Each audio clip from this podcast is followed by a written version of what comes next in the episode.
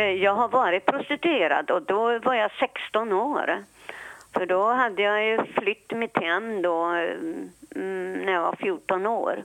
Och då mötte jag en kvinna när jag var 16 år som var jätte, jättesnäll och jag blev så förälskad så hon blev som en mamma för mig för hon var ju dubbelt så gammal. Och hon köpte kläder åt mig och smink och jag kunde aldrig drömma om vart hon skulle leda mig vidare och det var att prostituera mig. Så hon och jag jobbade ihop. Idag ska du få möta Elise, som också kallas morsan av kvinnorna på Malmskillnadsgatan. Välkommen till Hannas Café. Jag heter Stina Backlund. Och jag heter Maggan Johansson. Om man söker på Elises namn på internet så får man väldigt många träffar. Ja, och hon har fått stor uppmärksamhet under den senaste tiden. Och till exempel stod det i tidningen Metro som rubrik Elise 74, ängen på Malmskillnadsgatan. Vi ska snart få höra Elise berätta, men först lyssnar vi till Ett leende med Lutherska Missionskyrkans kör.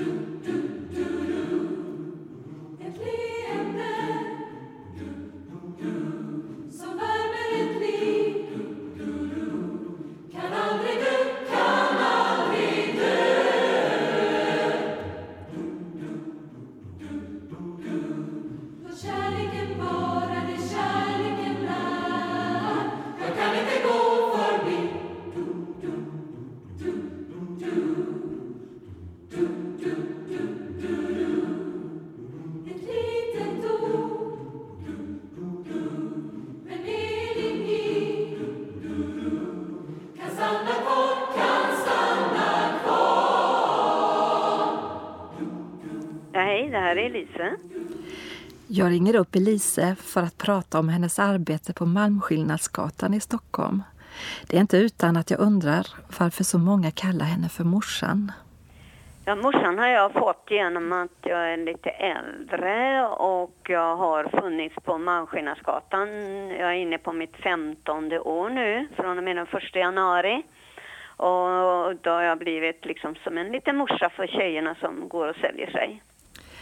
Det började med att Elise fick följa med prästen och diakonen från Klara kyrka till Malmskillnadsgatan. Och då sa jag när jag var där uppe, då sa jag att här hör jag hemma. Och sen har jag varit där. Elises barndom var allt annat än lycklig. Hon har endast svarta minnesbilder av övergrepp och annan fysisk och psykisk misshandel. Idag är hon tacksam över att hon slipper komma ihåg allt. Jag blev ju stämplad och fick eh, veta hur ful och dum jag var. Och mm, det fick jag veta ja, det är många, många år sedan att jag var oduglig. Jag skulle inte sättas i skola heller för att jag begrep ingenting. Men just den här eh, känslan av att sitta i garderoben, det har väl liksom förföljt mig lite grann. Men genom frälsningen så har det mer och mer Mm, dalat bort så här att jag är älskad jag är älskad av Gud Fader själv. Ja, det var så det hela började. Det blev många sjukhusbesök där hon lappades ihop efter misshandeln och hon fick mycket smärtstillande läkemedel. Elise började dricka sprit och ta lugnande tabletter på samma gång. På något sätt hade hon lättare för att ta emot smällarna om hon var berusad. För det var ju det enda hon dög till, trodde hon. Elise lämnade hemmet i början av tonåren. Eh, jag har varit prostituerad och då var jag 16 år. För då hade jag ju flytt mitt hem då mm, mm, när jag var 14 år. Och då mötte jag en kvinna när jag var 16 år som var jätte, jättesnäll och jag blev så förälskad så hon blev som en mamma för mig för hon var ju dubbelt så gammal. Och hon köpte kläder åt mig och smink och jag kunde aldrig drömma om vart hon skulle leda mig vidare och det var att prostituera mig. Så hon och jag jobbade ihop. 1994 blev Elises liv totalförvandlat i mötet med Jesus. Du kommer att få höra om det lite längre fram i programmet. Och idag finns hon ute på Malmskillnadsgatan varje fredagsnatt tillsammans med ett team från Klara kyrka. Hon vet vad det innebär för dessa kvinnor eftersom hon själv har varit i samma situation. Genom sitt förvandlande liv kan hon förmedla hopp till den som inte ser någon ljusning i tillvaron.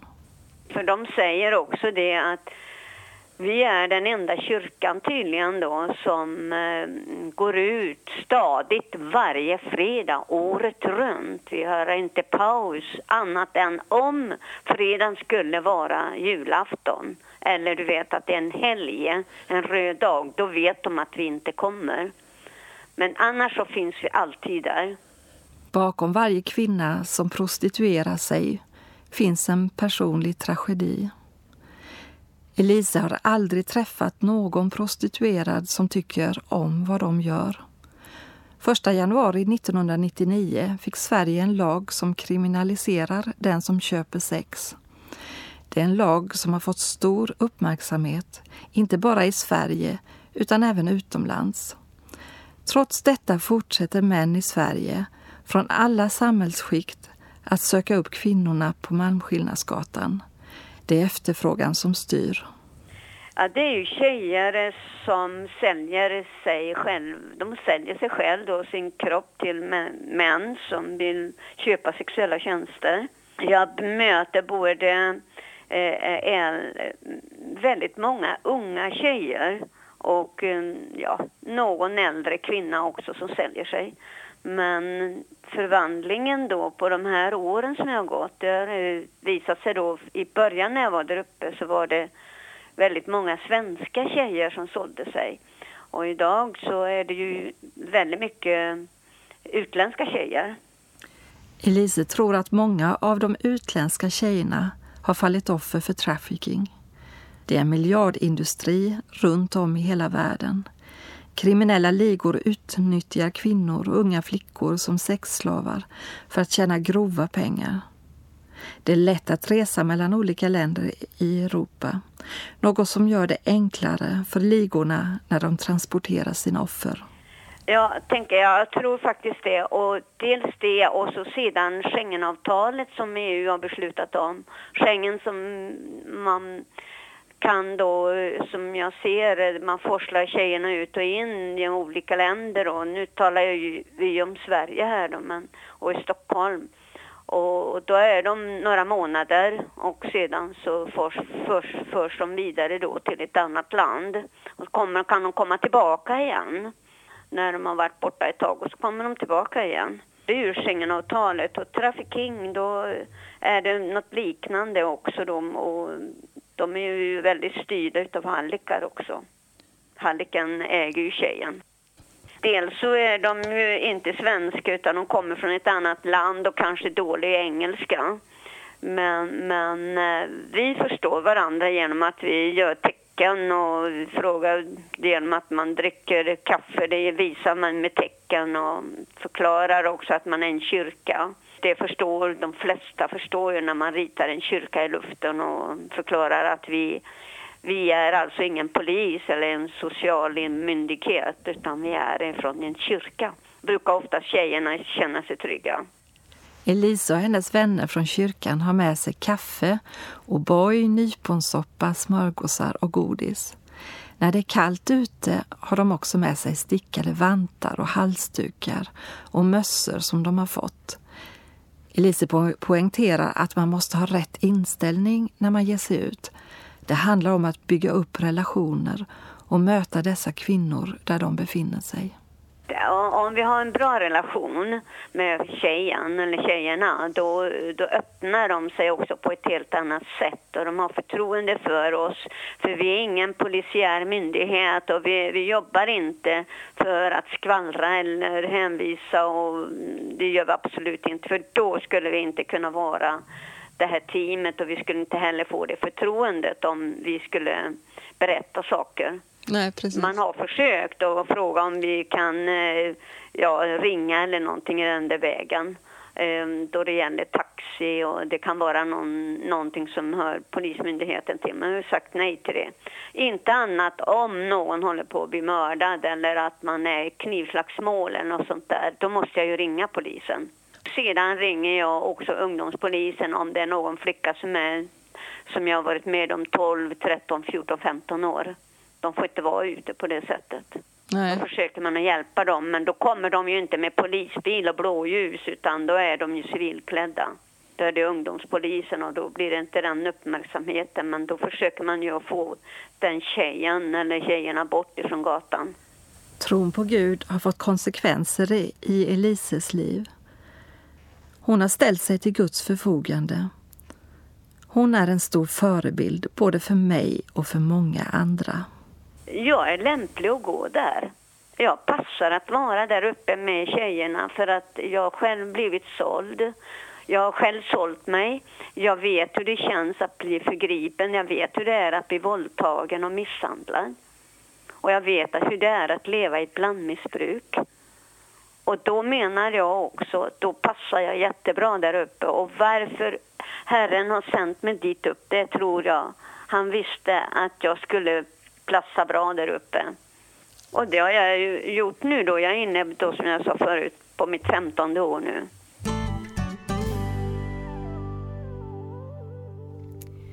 På en blogg skrev någon om Elise efter att ha sett ett tv-program om henne. Men du, vad stod det där? Berätta. Jo, så här stod det. Vilken prestation, vilket engagemang. Hennes livshistoria var allt annat än vacker. Ändå hade hon både modet och omsorgen kring dessa tjejer och kvinnor och tog till och med av sin lilla pension för att köpa mat eller skor till dem. Vilken förebild! Ja, vilken förebild. Efter musiken ska du få höra om vem som är Lises stora förebild. Vi lyssnar till Ola Hedén som spelar från sin CD Salm.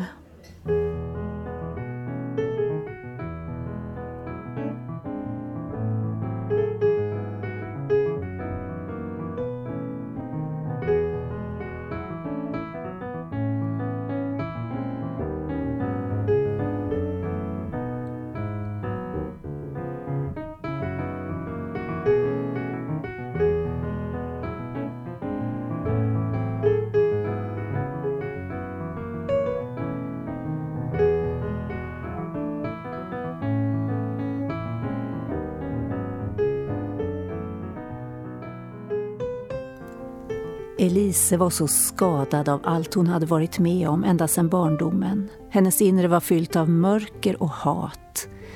Men någonting hände när hon kom till Mössebergs rehabilitering i Falköping för 17 år sedan mötet med Jesus och då totalt förvandlades mitt liv.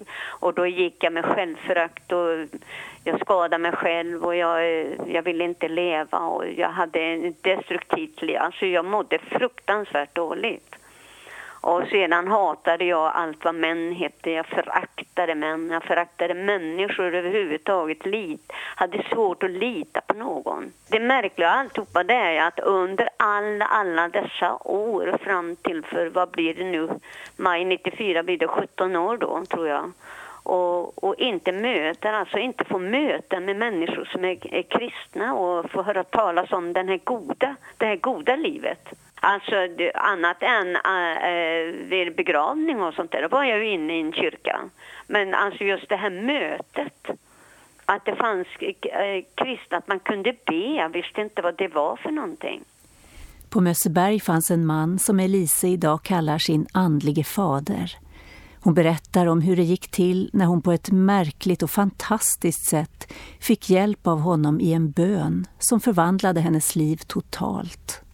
Och när jag går fram till honom, då var jag så hatisk och jag förstod inte vad som hände. Men jag går fram till honom och säger ord som jag aldrig hört talas om. Vill du be för mig? Och jag fattar ju inte vad det var jag sa. Men min andlige fader förstod ju, så han började be för mig. Och vid det ögonblicket så var det som, eh, ja, det var som en getstråle, som en blick som bara träffade mig i huvudet och klövs. Det kändes som att jag klövs. Det gick, den där strålen gick rakt igenom hela min kropp. Och det var en värme, det var inte otäckt eller så det kändes fruktansvärt hemskt. Utan det var någon så underbart härligt, varm, skön värme som bara gick igenom kroppen. Och det kändes precis som mitt hat och förakt och det, det kändes som eh, det flöt ut ifrån min kropp på något sätt. Och min andlige fader sa att han hade sett många frälsningsupplevelser. Men att se detta förgrämda ansikte full av hat och full utav så förakt i hennes ögon. Bara ser hur ett leende kommer, ja hennes läppar säger, säger han då. Och sedan se lysten i ögonen. Liv i mina ögon, det lyste liksom, sa han. Någon kan bli säkert arg på mig, men, men eh, jag tackar Gud idag. För att jag har fått varit med om väldigt mycket och det är jag så tacksam för. Men Herren han varit med och sett till att jag aldrig dog. Utan han visste att han skulle ha mig upp på Malmskillnadsgatan. Det är jag säker på idag. Elise fick hjälp av sin andlige fader att läsa Bibeln. Något som också var alldeles nytt för henne. När Elise idag möter flickorna på Malmskillnadsgatan blir det ibland naturliga tillfällen att dela berättelser ur Bibeln. Berättelser om hur Jesus möter och förvandlar människor under sin vandring på jorden. En berättelse hon gärna talar om står i Johannes evangelium. Den handlar om hur några skriftlärda och fariseer kommer till Jesus med en kvinna som begått äktenskapsbrott. De släpar fram henne och vill att hon enligt lagen ska stenas. De frågar vad Jesus tycker, men han bara böjer sig ner och skriver något med fingret på marken. Men så reser han sig och talar till männen som kom med kvinnan. Och jag läser som det står. Den som är utan synd må kasta första stenen på henne. Och han böjde sig ner igen och skrev på marken. När de hörde detta gick de därifrån, den ene efter den andra. De äldste först, och han blev lämnad ensam kvar med kvinnan som stod där. Jesus reste sig upp och sa till henne Kvinna, var är de? Har ingen dömt dig? Hon svarade Nej, Herre, ingen. Då sa Jesus Inte heller jag dömer dig. Gå och synda inte mer. Flickorna Elise pratar med har många frågor och de känner igen sig i berättelsen. De undrar. Men vad säger Jesus? Jag syndar ju. Jag, jag kan inte komma loss. Och då är det ju då att, då står det ju där att, som det står i Matte, eh, Johannes 8, att eh, den som är utan synd må kasta första stenen på henne då när de hade kommit med tjejen som hade eh, varit ihop med en gift man då. Och ja, men, men då diskuterade vi runt omkring det. Varför var det så? Varför var inte mannen med, undrade hon då. Ja, det undrar jag också, säger jag då. Det är klart att man undrar varför, varför mannen var förskonad. Men vad gör Jesus? Ja, han säger till de lärde där i Johannes 8 att den som är utan synd må kasta första stenen och ingen gör det. Och då kan vi över de orden, då känner hon ungefär så här att ja, mm, då kan man be över detta och då finns det tillfälle och lägen att be för den här tjejen som jag också har gjort vid många tillfällen. Och, och, det tycker jag känns så jättebra. Och, och det är alltid det. De frågar alltid, ja men jag är syndig. Ja, ja visst. Och jag har själv varit inne i det. Men det finns förlåtelse och Jesus kan upprätta dig. Då kommer man in på det då, att kom och var med. Till exempel när vi har afternoon tea. kom och, och var med på eftermiddagste som vi har på torsdagar. Och det kan vara första stegen då. Vill du ha hjälp med avgiftning, vill du ha hjälp med behandlingshem och så vidare, så kan vi hjälpa dig från kyrkans håll. Det är ju då bara för tjejer och bara för, egentligen för hemlösa och som är olyckliga och mina tjejer också då. Och då träffas vi i Lillkyrkan nu som ligger precis eh, vid sidan om Stora Klara kyrka. Vi träffas där varje torsdag som det är nu idag. Det är en torsdag idag va? Och då träffas man torsdagar mellan ett och tre. Mellan ett och tre och där bjuder vi då på te, kaffe, vi har sandwich, vi har godis, vi har, och där sitter man och dukar upp då precis som man kommer in i ett litet café. Och då känner tjejerna sig, ja de känner ju så fina, de kommer ibland med sina två påsar de har i handen som är deras eget hem då, som är hemlösa. Och så sätter man sig ner och pratar med dem. Hannas Café är en del av en verksamhet som kallas Projekt Hanna. Det är en global bönerörelse där människor i mer än hundra länder ber för kvinnor som har det svårt. Om du vill vara med i denna bönerörelse kan du kontakta oss. Adressen kommer i slutet av programmet. Elise berättar gärna om Projekt Hanna när hon är ute och talar på kvinnofrukostar. Ja, det, det pratar jag om i stort sett ja, varenda gång jag är ute. Och sen har jag alltid med mig, det finns ju något som heter bönekalender, böneguiden. Och eh, jag vet inte, jag har även där tappat räkning hur mycket som har gått åt, men jag har inget kvar när månaden är slut, för det är ju så fint, för jag har det liggandes på köksbordet. Och när jag, som nu idag är den tionde, då ber jag just för det. Det är så bra den lilla böneguiden ligger på köksbordet och ber för varje dag.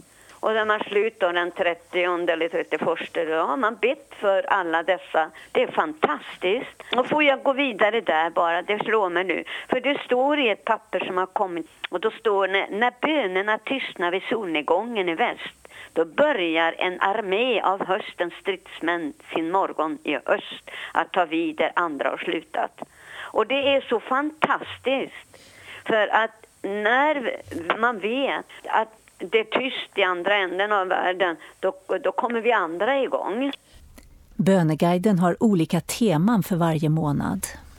Kvinnor som finns utöver alla dessa länder, som är utsatta, kvinnor som är misshandlade, kvinnor som har förlorat eh, sina män och, och äktenskapsbrott och de som är sjuka i hiv och aids och, och så vidare, för barn som far illa. Och jag glömmer ju aldrig när jag fick eh, från ehm, den, eh, var det 6 juni förra året. Då var det ju 104 länder som bad just för oss på Malmskillnadsgatan. Alla kan inte vara ute och arbeta på samma sätt som Elise. Men hon vill uppmuntra alla som vill att vara med i projekt Hannas globala bönenätverk. På så sätt kan vi tillsammans i både bön och arbete stödja de som har det svårt. De som inte själva kan göra sin röst hörd. Jag har ett ord förstår du, om jag får ta det, från Ordspråksboken 31.8. Och det här brukar jag också berätta om. Öppna din mun för den stumme och försvara alla vänlösa. Öppna din mun och döm rättfärdigt, skaffa den betryckte och fattige rätt. Det är också någonting som jag ibland pratar med tjejerna om. Vi dömer inte. Vi ska inte döma någon, för du vet inte vad det är som kan hända. Och jag, jag tycker den är, så, den är så bra. Och det står ju också då i, i Romarbrevet så står det eh, när du dömer en annan fördömer du dig själv. Du som dömer handlar ju på samma sätt. Vi vet att Guds dom med rätta drabbar den som handlar så. Och, och då är det ju så, flickorna, nu går jag tillbaka till tjejerna på gatan. När tjejerna får höra sådana här ord och vi pratar om det, alltså det är precis som det händer någonting i deras kropp. Elise får dela både glädje, smärta och sorg med flickorna som fått en så stor plats i hennes hjärta. Hon berättar om ett sorgligt men samtidigt vackert minne. Då var det en av mina flickor då, som jag har känt då något år och fick se hennes förfall också, hur hon blev sämre och sämre. Och sen så blev hon häktad och sen så kollapsade kroppen på henne. Och hon eh, dog och då fick vi ju reda på det då, så var det tjejerna själva på Malmskillnadsgatan som kommer och säger till mig, morsan vi vill ha en minnesstund för, ja så sa de namnet på henne. För att eh, hon har ju varit där och vi känner henne så väl och vi är så ledsna, vi vet inte vad vi ska göra, varför är det så här? Och, ja, de känner ju så väl till det så det var bara det att eh, fixa i ordning och då frågade jag om vi skulle, var vi skulle vara någonstans och då sa de det att vi ska vara här uppe för det är här hon har jobbat här och så var det en speciell plats då som vi har som finns, som finns intill där vi är med en liten flicka som staty. Och jag fixade till då eh, så att vi hade ljus och så vidare som man ska ha med sig. Och sen hade jag tagit med också, de ville sjunga Tryggare kan ingen vara. Och sen när vi hade gjort det så började vi att be och sen tjejerna stod och grät och sen så fick vi bara, vi som var i teamet fick eh, bara stå och hålla om dem då och trösta. Och så bad vi. Och så tog vi farväl av flickan som var död. Och det var en underbar stund ändå att tjejerna vill göra det här och det kommer vi att fortsätta med nu i fortsättningen. Så fort någon då är död och eh, vi får reda på det då såklart va. Då kommer vi att göra på det sättet, köpa ljusmarschaller och sånt där och ha det med som vi ska ha med. Elise och hennes team är troget ute på Malmskillnadsgatan oavsett väder och vind. Nästan varje fredag kväll är jag ute i alla dessa år. Även när det snöar? Jajamensan, det är absolut. Det får vara regn och snö, i storm där vi går. Och vi har ju ett härligt team.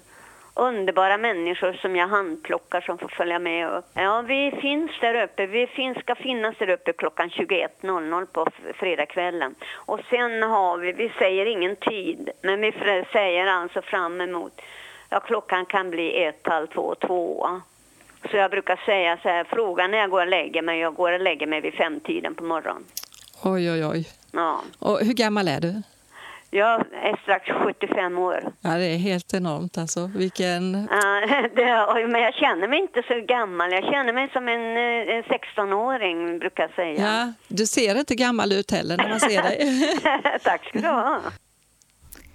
Vi ber en bön till slut. Tack Gud för det arbete som Elise står i. Och tack för alla som ber för utsatta kvinnor i Sverige och utöver världen. Vi ber nu tillsammans om befrielse från förtryck och slaveri. Jesus, kom med hopp in i hopplösheten, ljus och helande kärlek in i mörker och trasighet. Amen. Nu är jag trygg, alltid hos dig du har mig kär. Du leder mig, håller min hand, du för mig rätt. Mitt mod är svagt,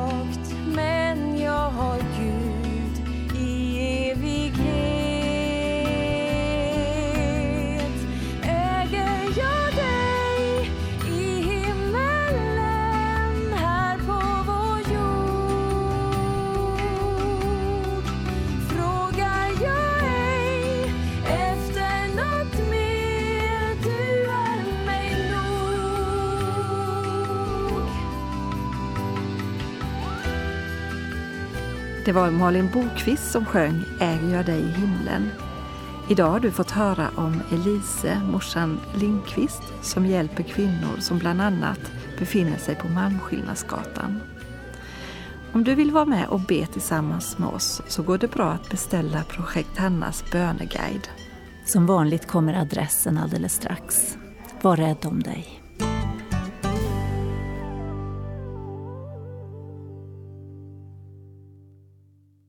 Hannas Café är producerat av Stina Backlund och Maggan Johansson för Norea Radio Sverige med adress Östergatan 20 262 31 i Ängelholm.